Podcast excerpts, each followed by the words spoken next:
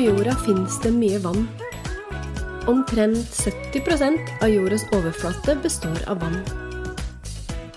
Det er derfor jorda ofte blir kalt den blå planeten. For sett fra verdensrommet så ser kloden veldig blå ut. Og det er jo på grunn av alt vannet.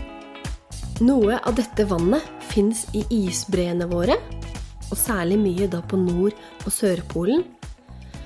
En del vann fins under bakken. Det ligger i lag under overflaten og liksom eh, fyller alle kriker og kroker i fjell og stein og i jorda. Dette kalles grunnvann. Her får f.eks. planter vann gjennom røttene sine. Og dette vannet bruker vi også som drikkevann. I atmosfæren fins det også mye vann.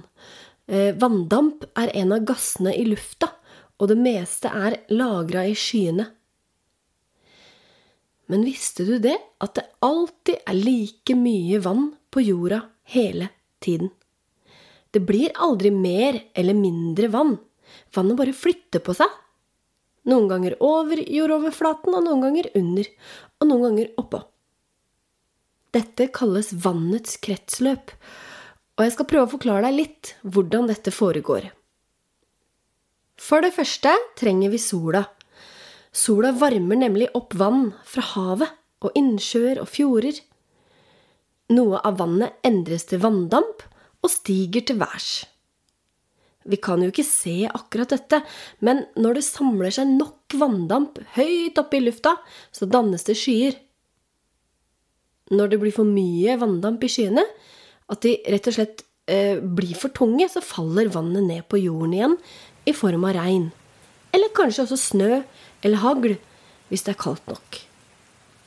Vannet som treffer jorda, kommer enten direkte tilbake i havet, eller så renner det nedover fjellsidene og danner bekker og også elver som renner ut i større innsjøer.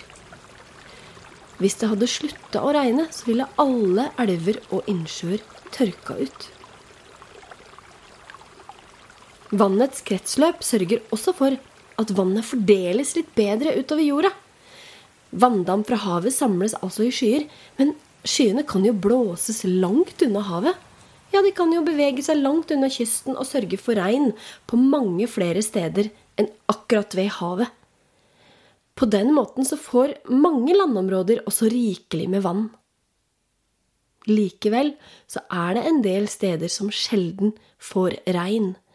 Der blir det tørke og ørken. Og det er særlig områder nær ekvator som opplever dette. Det var veldig kort om vannets kretsløp. Og det som også er viktig å huske på, er at et kretsløp har ingen start og ingen slutt. Det går alltid rundt i en sirkel. Og det er ikke bare havet og himmelen som er med i det kretsløpet.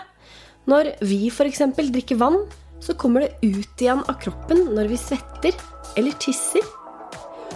Plantene suger vann gjennom røttene, og mye av det fordampes ut i atmosfæren igjen gjennom bladene på planten.